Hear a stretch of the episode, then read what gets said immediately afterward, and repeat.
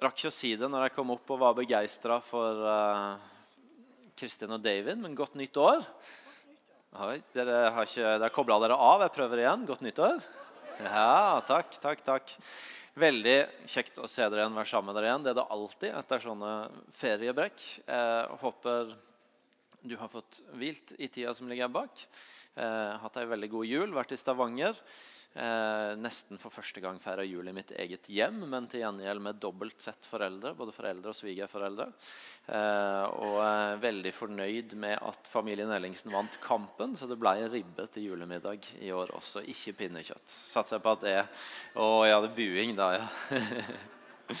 veldig bra. Eh, helt kort på vei inn. Dere fikk eh, en bibelleseplan for det nye året. Det er den vi følger på våre bønnesamlinger gjennom året i staben her i IMI.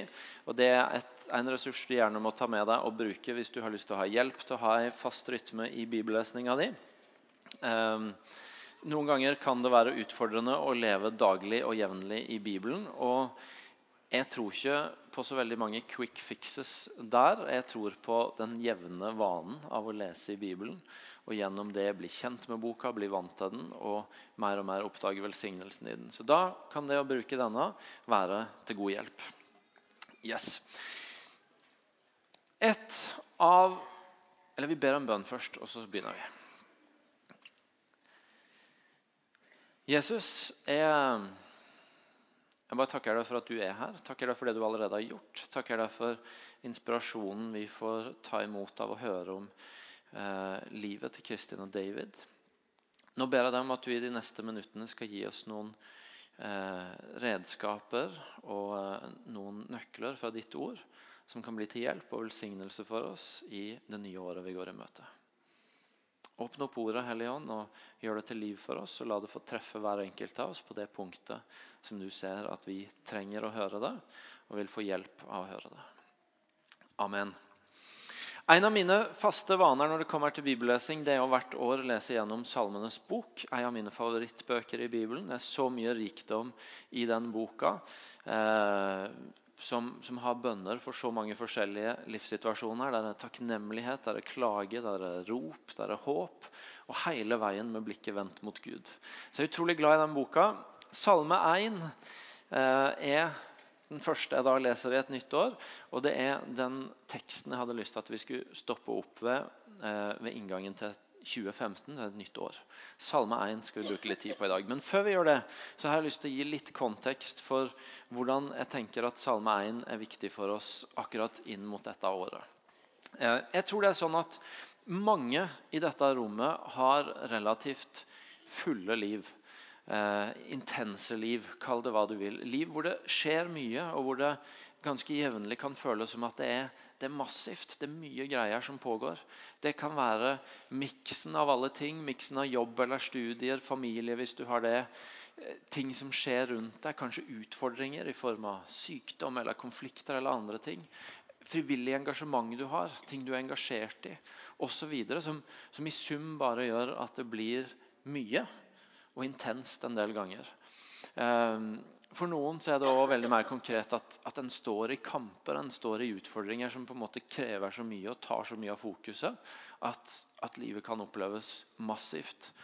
Og så tror jeg også mer spesifikt at det å være en del av denne menigheten og IMI-kirka også en del ganger kan være ganske intenst. Fordi vi er en menighet som vil mye, og det er mange engasjerte mennesker her. Og og det er stadig vekk noe som er på gang. Det er stadig vekk noe som skjer. Og jeg kan bare se I løpet av de åtte åra jeg har vært her, så ser jeg at det har skjedd utrolig mye i løpet av de åtte åra. Og det er en god del ting som er ganske annerledes nå enn det var for åtte år siden. I forhold til alle mulige ting som pågår ut fra denne menigheten og ut fra dette huset. Ting som ikke bare handler om å være en lokal menighet i Stavanger-regionen, men som handler om Norge og om resten av verden. Og, um, bare som et eksempel så snakka jeg med Øystein for en tid tilbake i høst. og Han sa noe om forskjellen fra når han kom for elleve år siden, og nå, i hvor mange arenaer det er som trenger lovsangsledelse. Øystein leder lovsangsarbeidet vårt. er liksom ganske massiv. Det er sånn natt og dag, egentlig, i forhold til hvor, hvor, mange arenaer det trengs at noen leder lovsang, fordi det skjer så mye mer på huset og ut fra huset vårt. Og Sånn kunne en egentlig tatt for seg ganske mange områder, ikke bare lovsang. Og så vil en se at det, at det skjer en strekk. Der har, det har kommet opp mange nye ting. Det er masse som skjer, og det kan være intenst uh, å være med på av og til. Det er ikke en sånn spesiell IMI-problemstilling. Jeg tror at det er sånn det er å være med på det Gud gjør.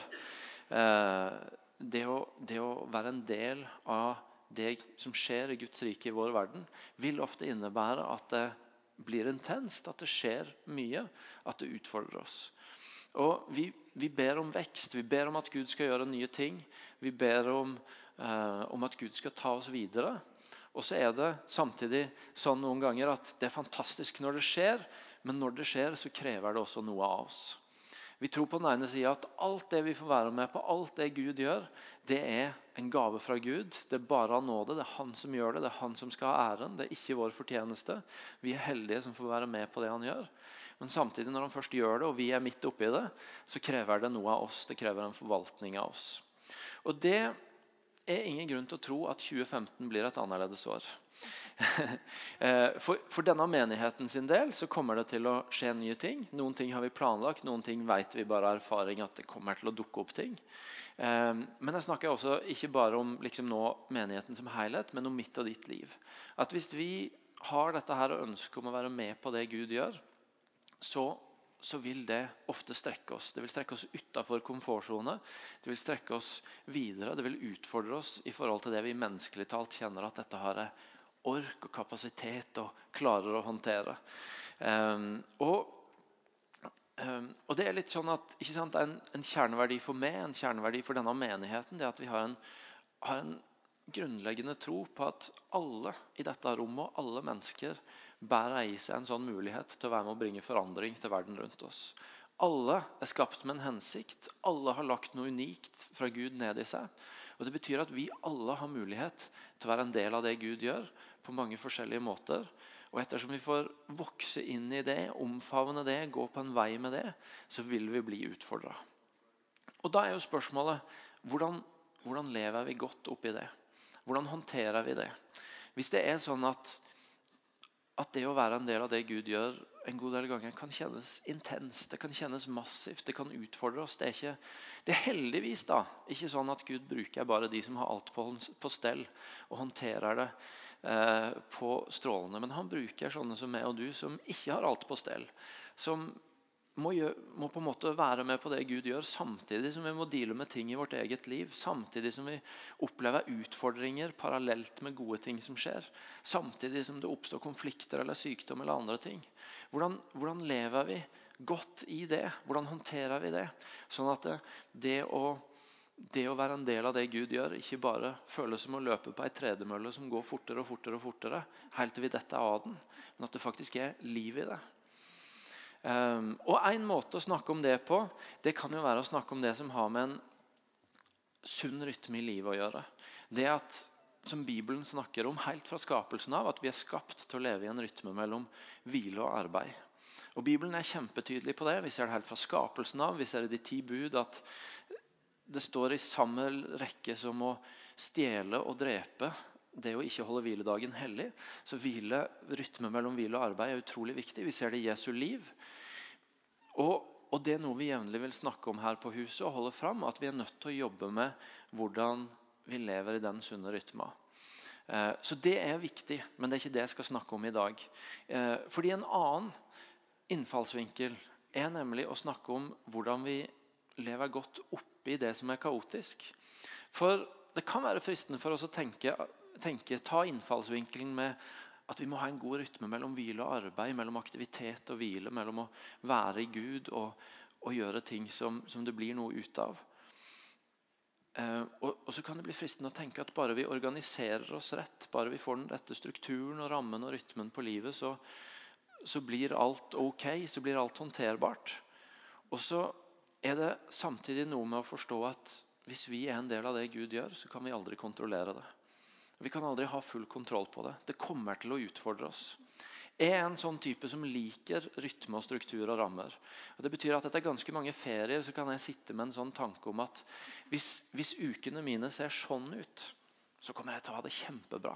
Og Da kan du gjøre hva du vil, Gud, for jeg skal håndtere det. fordi bare jeg får leve i den rytma det er gjennom ukene mine, så blir det bra. Problemet er bare at det kanskje fins fire normale uker i et år. Og resten av livet er unormalt.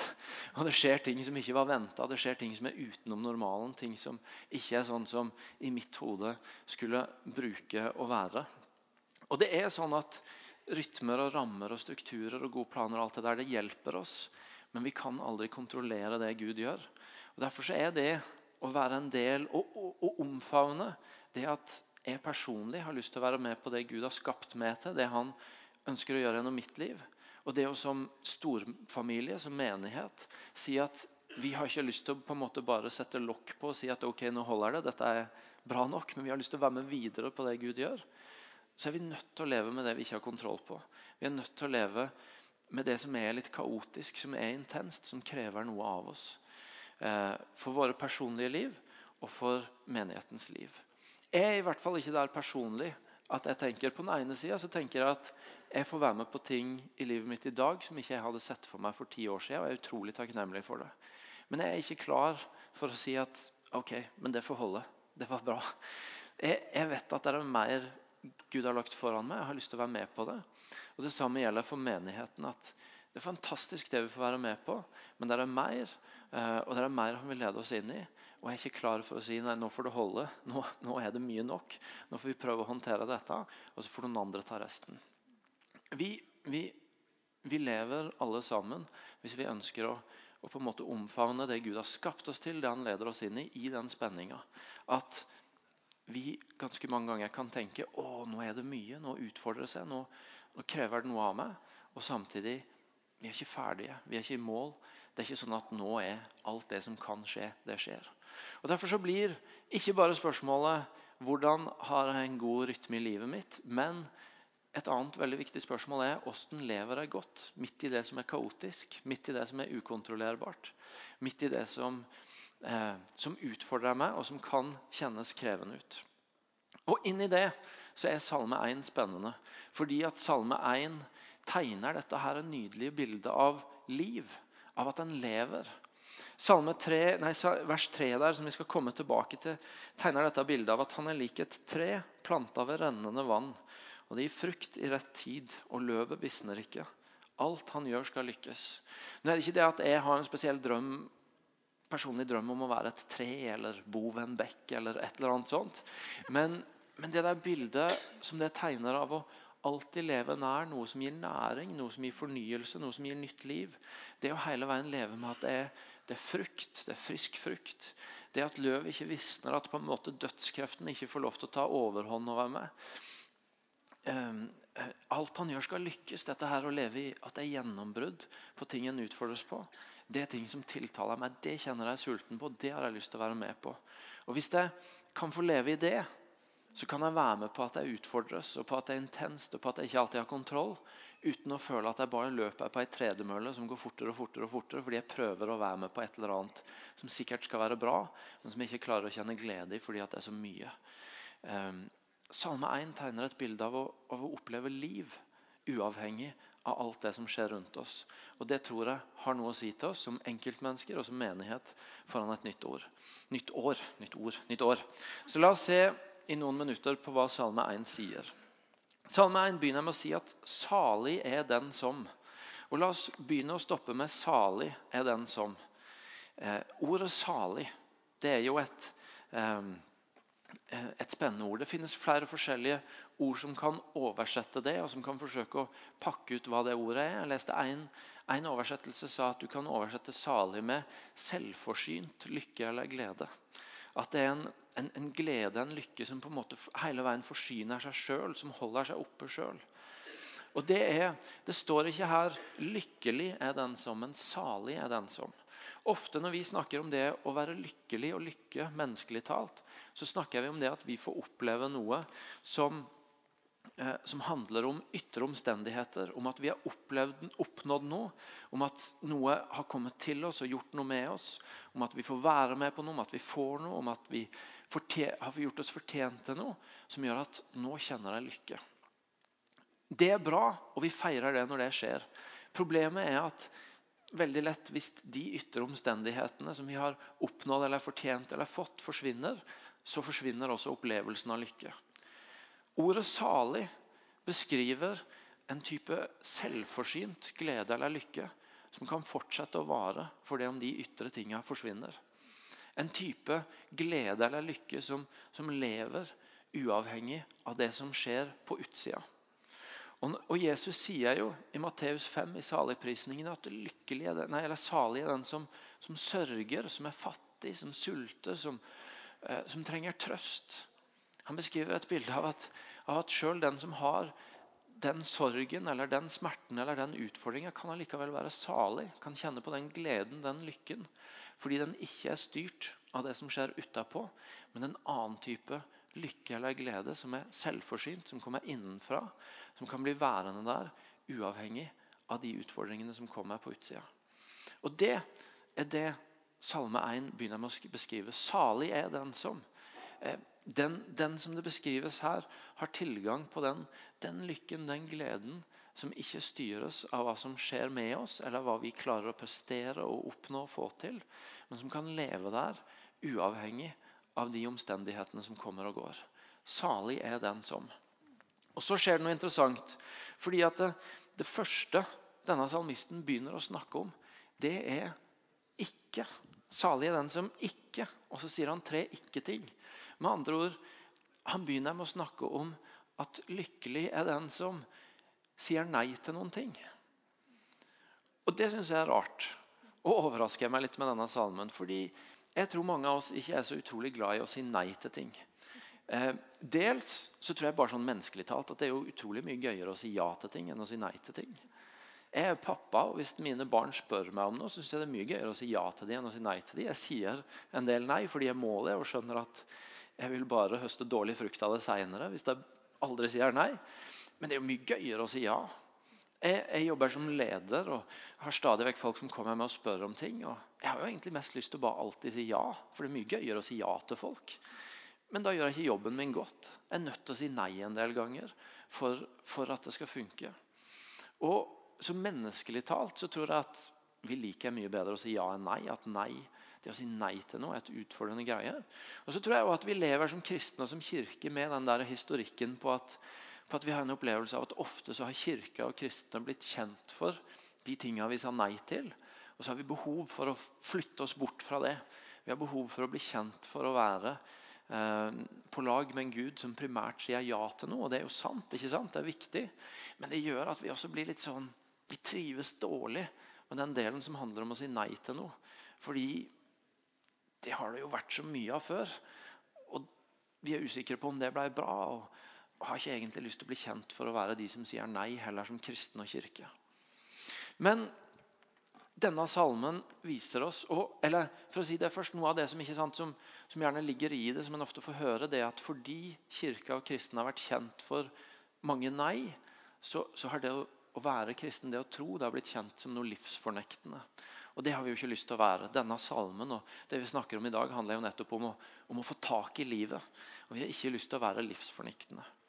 Men det Salme 1 faktisk sier, det er at det kan være veldig livsfornektende fornektende å aldri si nei. At du kan faktisk gå glipp av livet hvis du aldri tør å si nei til noe. Og hvis du aldri er komfortabel med å si at 'dette er ikke bra', 'dette er ikke godt', 'dette er jeg nødt til å takke nei til'. Um, og Hvis du vil si det på en annen måte, så, så, du, så sier vi av og til at et helhjerta ja forutsetter også noe nei.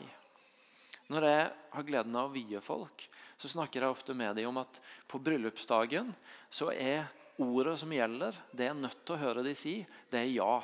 Det er veldig mange ting i en vielse som jeg som prest har mulighet til å på en måte klare å holde i, sånn at det blir en vellykka vielse. Det, det, er ikke så farlig om de setter seg på feil punkt, eller kneler på feil punkt, eller fomler med et eller annet. Det meste av det kan jeg som prest klare å på en måte håndtere, sånn at det ikke blir pinlig og klamt. Men hvis de sier nei, det kan jeg ikke ordne opp i. Da blir det trøbbel. Det, det har jeg ingen, ingen redskap her på.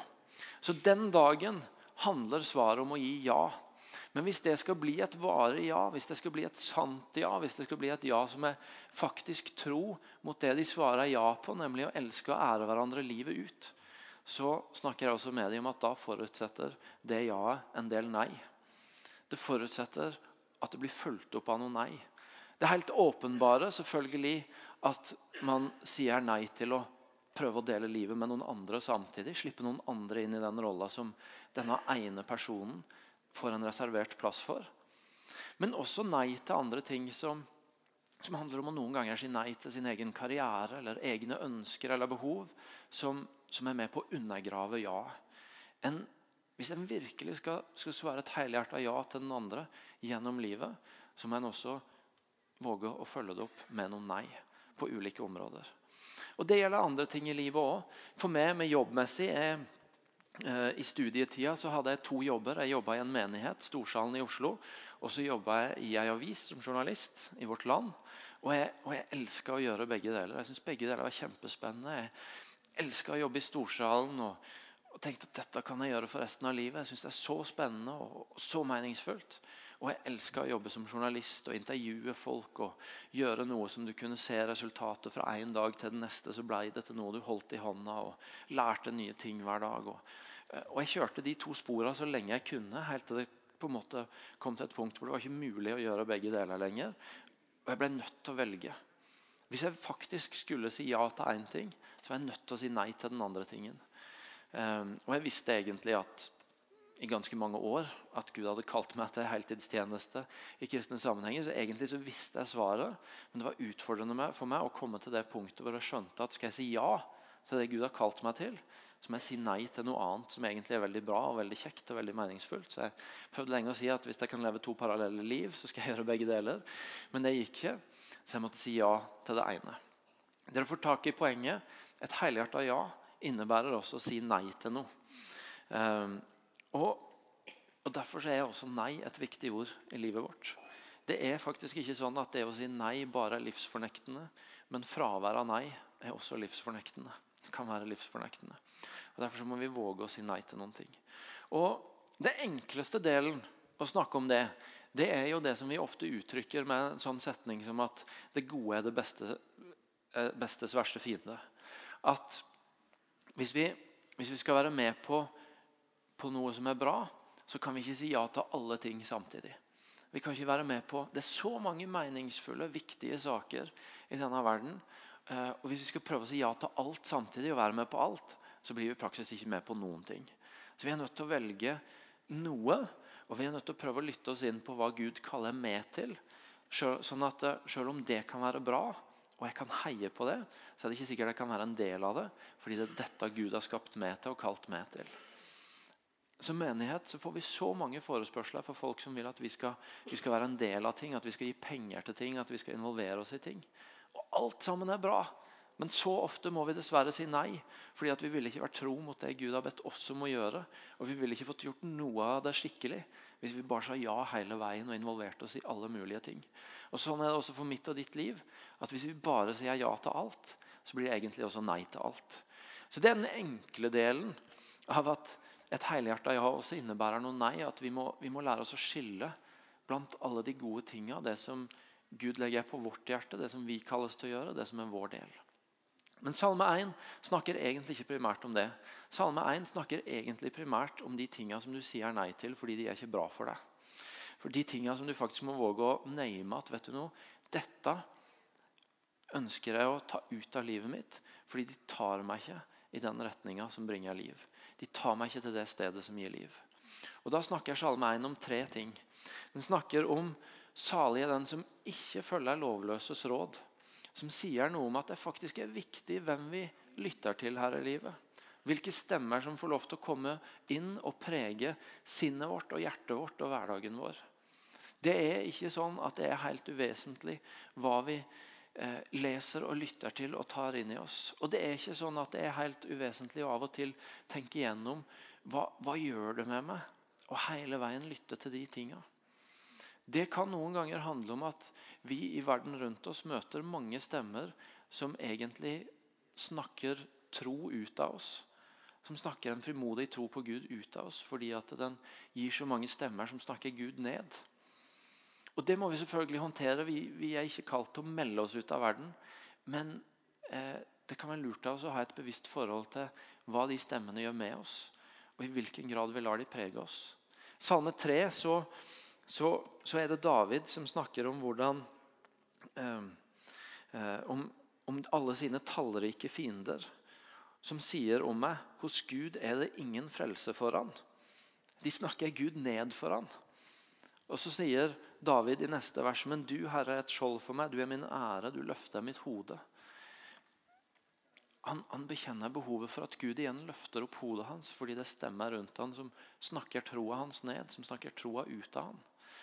Og Det å gjenkjenne sånne stemmer og minimere kraften de får lov til å ha i livet vårt, de som, de som taler troa og frimodigheten på Gud ut av oss, eh, det kan være en viktig ting for mange av oss. Det kan også handle om stemmer som faktisk tar oss i som, som på en måte påvirker oss, snakker til oss i, eh, og tar oss i retninger av livet som, som, ikke er bra for oss. Som gir oss dårlig påvirkning i sinnet vårt.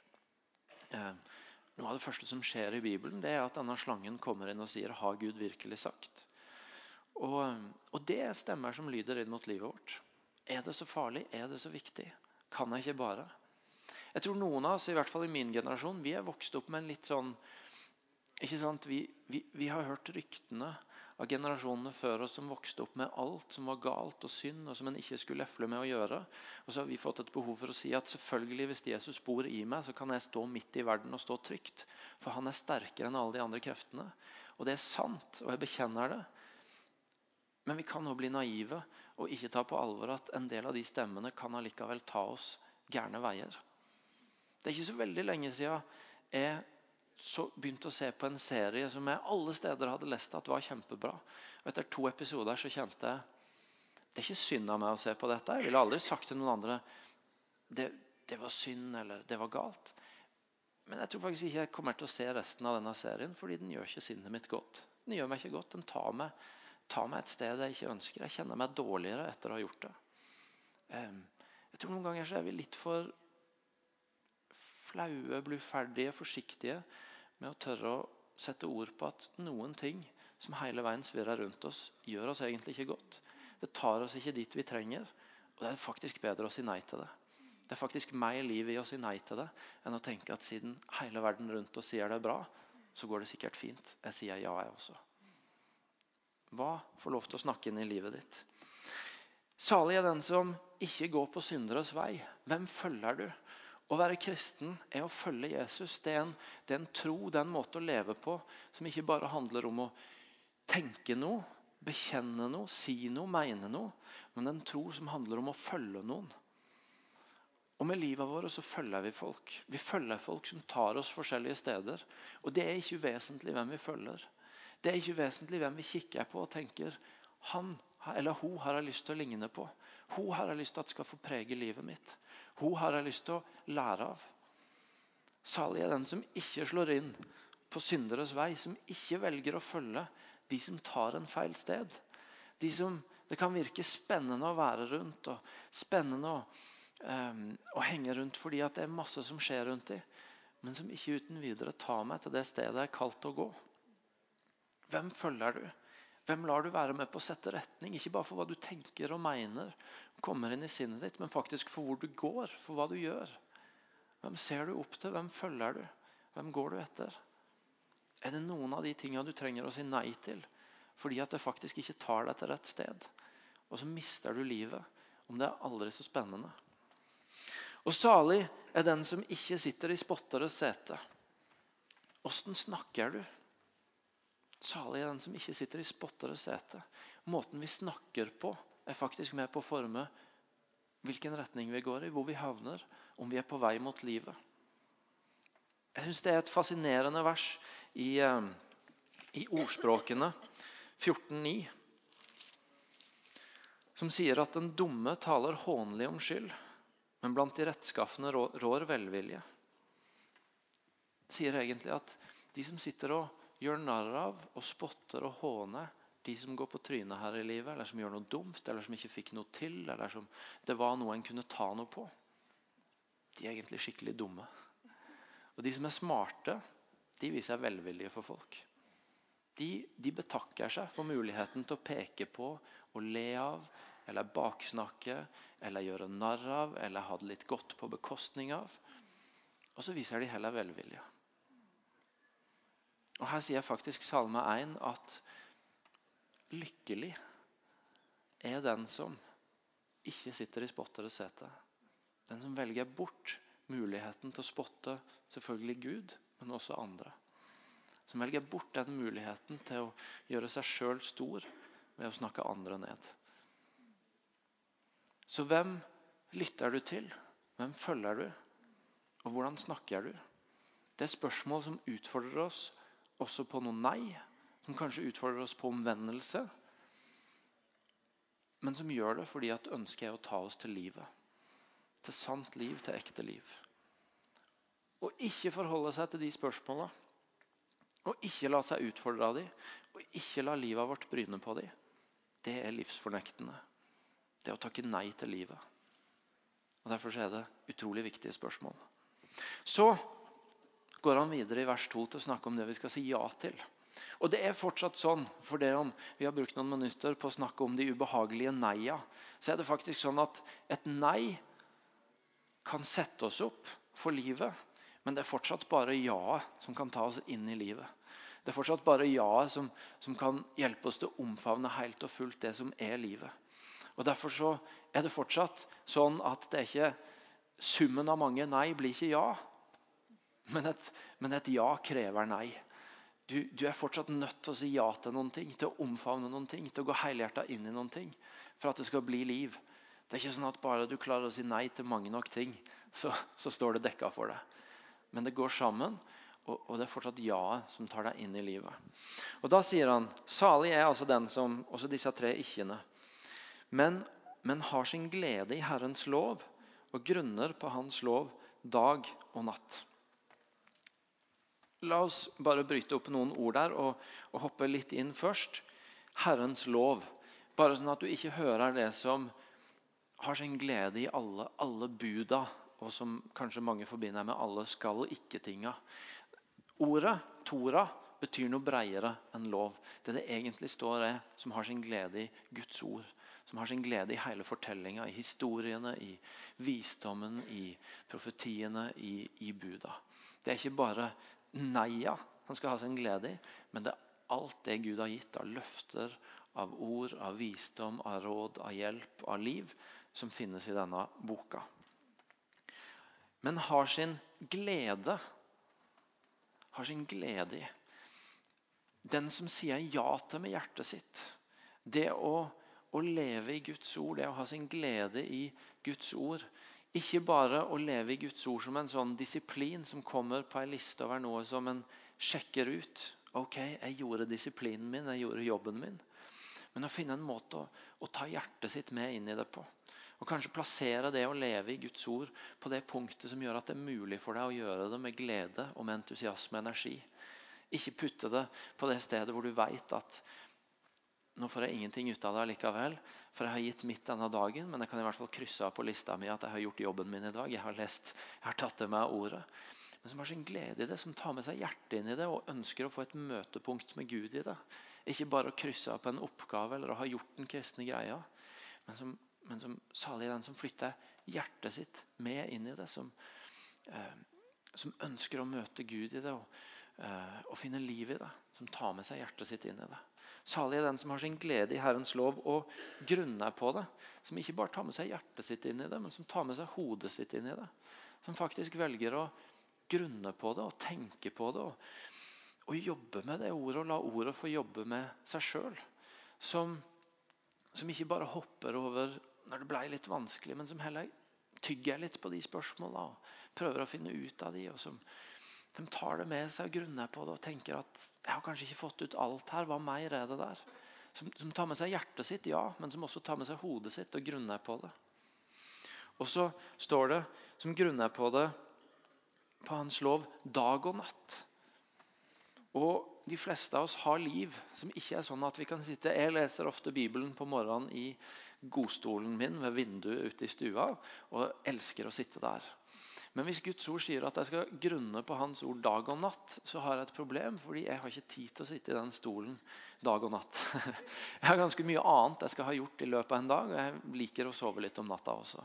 Så det betyr at det han egentlig her sier, for sånn er det ikke bare for meg, men for de fleste av oss, det betyr at han også ber oss om å ta med oss ordet mens vi gjør jobben vår, mens vi gjør det vi skal gjøre i løpet av en dag. At vi ikke bare tar med oss hjertet vårt inn i ordet. At vi ikke bare tar med oss hodet vårt, men at vi også tar med oss beina våre og hendene våre. Og lar ordet få være en del av det som fyller dagene våre. Jeg har så mange erfaringer sjøl av at det å la ordet få være med å sette retning for dagen min, så har faktisk det ene ordet jeg stoppa opp for, vært det ordet som har vært løsninga i mange forskjellige situasjoner gjennom dagen.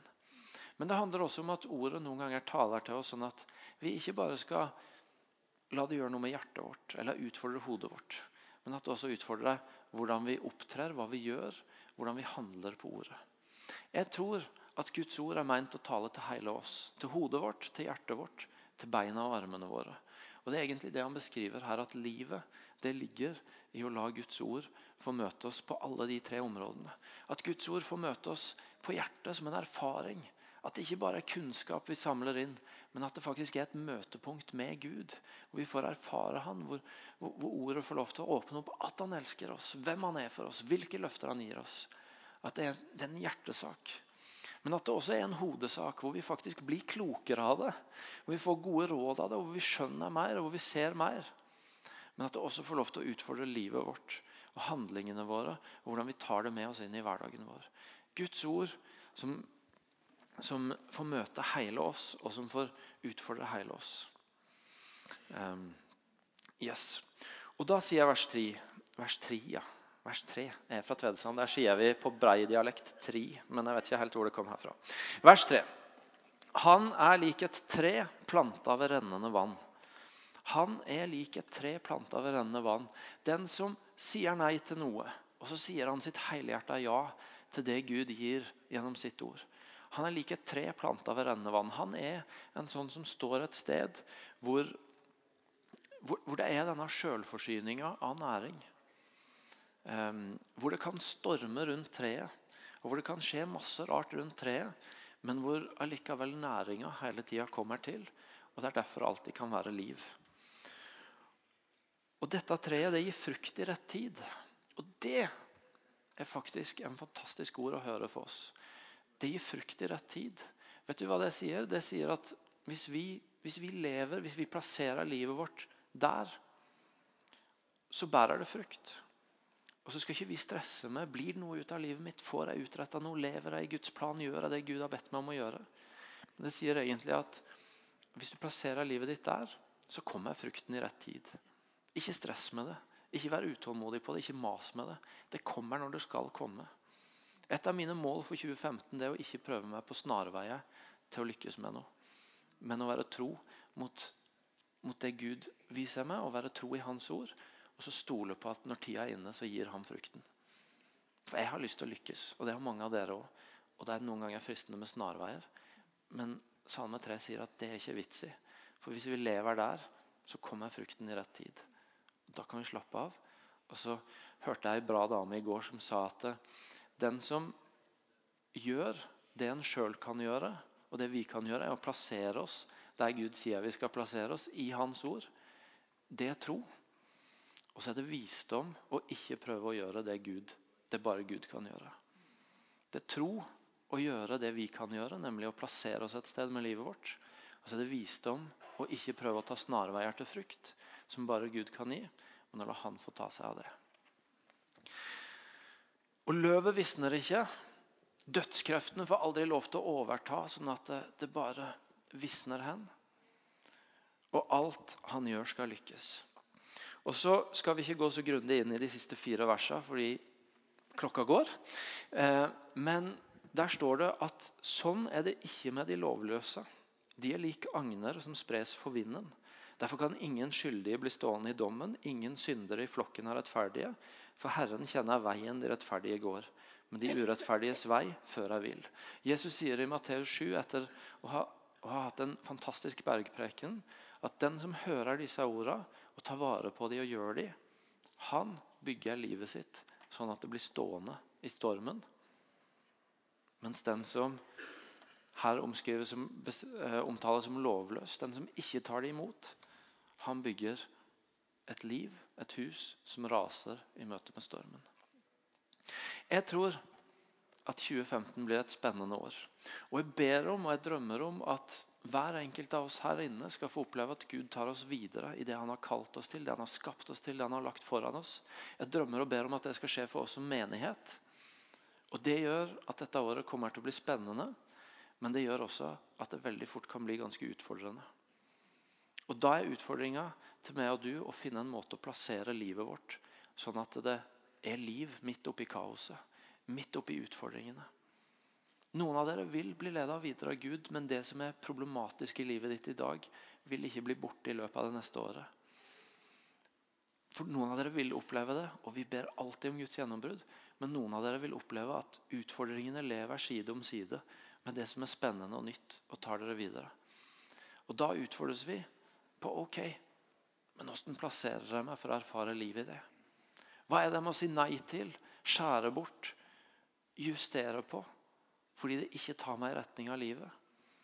Og Hvordan er det enda tydeligere omfavner ja? Omfavner at hjertet mitt og hodet mitt og beina mine får bli, bli planta i orda, som er utgangspunktet for å bli kjent med Han, for å høre Han, for å leve med Han.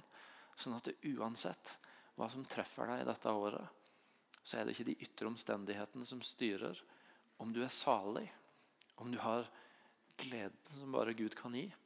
Men det er det livet du har på innsida. Skal vi reise oss og be sammen?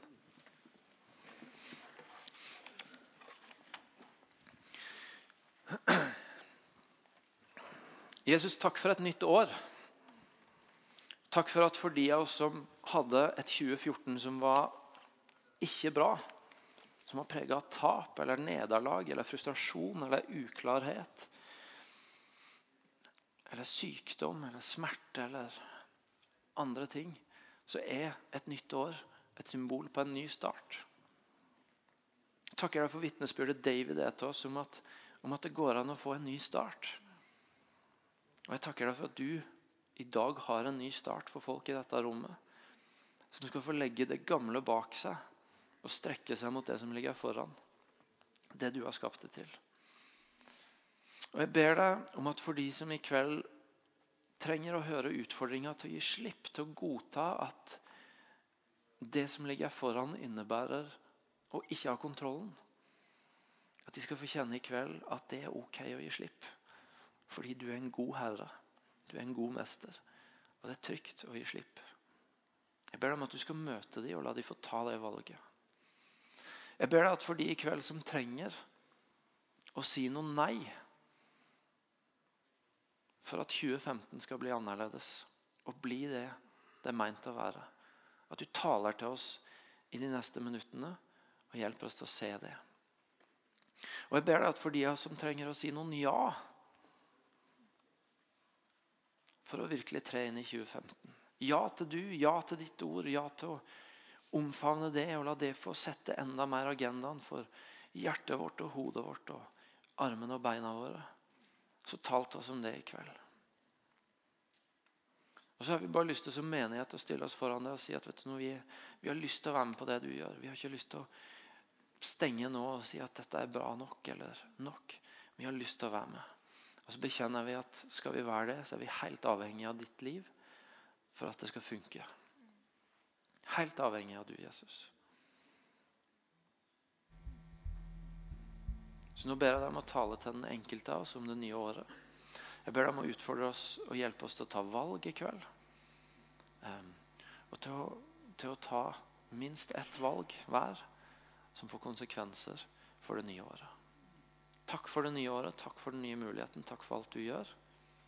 Og takk for at vi kan stole på at hvis vi lever med du, så vil du gi oss liv i 2015. Amen.